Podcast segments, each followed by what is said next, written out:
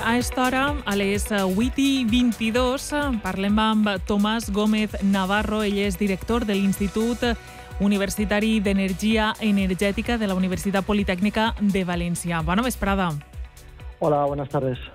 La Cimera Europea d'Energia reclama que la Comissió Europea posi límits als beneficis extraordinaris que obtenen les nuclears i les renovables. Pensa que això serà possible o les empreses repercutiran per un altre costat aquesta, diguem, pèrdua de, de beneficis? Bueno, realmente todos esperamos que sea posible porque eh, de alguna forma eh, no es justo que paguemos tanto por una energía que les sale tan barata a estas compañías. Desafortunadamente estamos en un oligopolio en toda Europa y las compañías energéticas tienen una gran capacidad negociadora. Luego, no sería de extrañar que le dieran la vuelta a la medida. Pero bueno, todos confiamos también por el bien de estas grandes compañías, a las que también conviene un mercado, digamos, una economía eh, fiable. Todos esperamos que esas medidas efectivamente abaraten la energía. Uh -huh. I una de les qüestions que estava damunt la taula, però que sembla ser que finalment no hi ha hagut acord, era la de limitar el preu del gas rus. Eh, pensa que, que això eh, és possible fer-ho, el posar un límit al preu del gas? Bueno, a ver, obviamente es posible hacerlo eh, porque en todo mercado hay un comprador y un vendedor y si el comprador no quiere pagar más, pues no lo paga y busca otras alternativas para satisfacer sus necesidades, ¿no? Lo que ocurre es que en muchos países, bueno, toda Europa es adicta a los combustibles fósiles y en particular al gas. Eh, Alemania ha hecho muchísima fuerza para que el gas se fuera considerado una energía verde y, eh, por tanto, es ahora, junto con Polonia, Hungría, está quizá este país por afinidad con Rusia, pero bueno, cada uno por sus diversas razones eh, tienen miedo de que poniendo un tope al gas se les corte el suministro. Este es el gran problema, que uh -huh. eh, los proveedores de gas dejen de vendernos si no estamos dispuestos a pagar tanto como ellos nos piden. Pero no olvidemos que tenemos otras posibilidades. Está llegando ahora cada vez más gas desde Noruega, están llegando barcos de Estados Unidos y de otros países. Eh, Alemania ha invertido mucho en regasificadoras, tenemos una gran capacidad de almacenamiento. Resumen, si queremos, podemos. O sea, ahora mismo eh, estamos en condiciones de decirle a los proveedores, no, no pagamos tanto.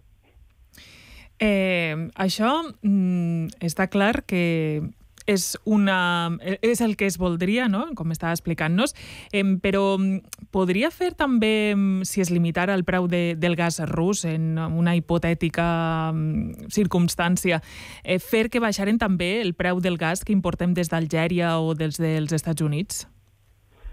Bueno, esto sería razonable porque eh, no está justificado un precio demasiado alto en base a costes de producción, transporte, eh, almacenamiento, distribución, etcétera.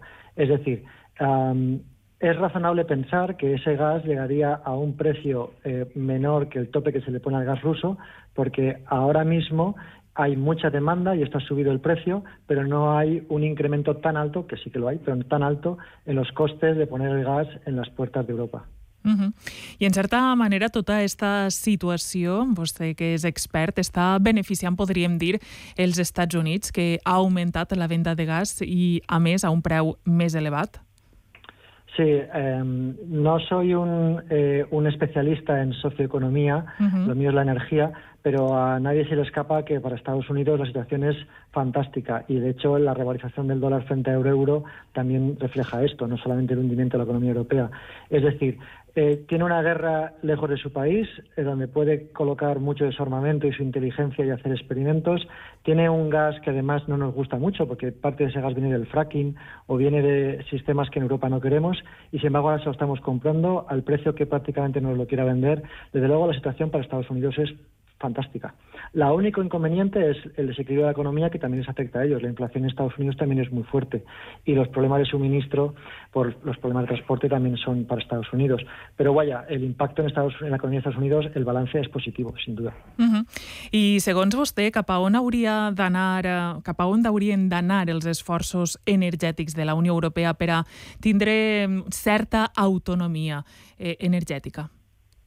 Pues claramente tenemos que cortar nuestra adicción a los combustibles fósiles, ya sea para el transporte, para la calefacción, para la industria, para lo que sea.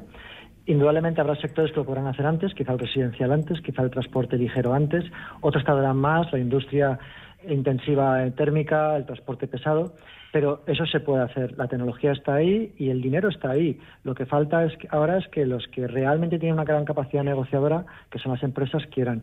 Mire, cuando cambiamos del carbón al petróleo, los estados eran muy fuertes y entonces se pudo hacer porque realmente había una voluntad y una capacidad negociadora. Hoy en día es al revés, las compañías son mucho más fuertes que los estados y aunque todos queremos ir a las renovables, pues vamos al ritmo que el mercado, o sea, el oligopolio, nos está eh, permitiendo. Eh, técnicamente, científicamente, esto no tiene ningún sentido. El único sentido es económico en una economía de mercado. Doncs uh, moltíssimes gràcies per haver-nos guiat un poc en la lectura de, del que està passant a Europa. Eh, hem parlat, recordem, amb, estem parlant amb Tomàs Gómez Navarro, i és director de l'Institut Universitari d'Energia Energètica de la Universitat Politècnica i de segur que no és eh, l'última vegada que contactem amb ell perquè ens eh, posa un poquet de llum a totes aquestes qüestions energètiques que tant ens afecten i tant estan eh, d'actualitat. Moltíssimes gràcies. A su disposición, gracias a ustedes. Adeu.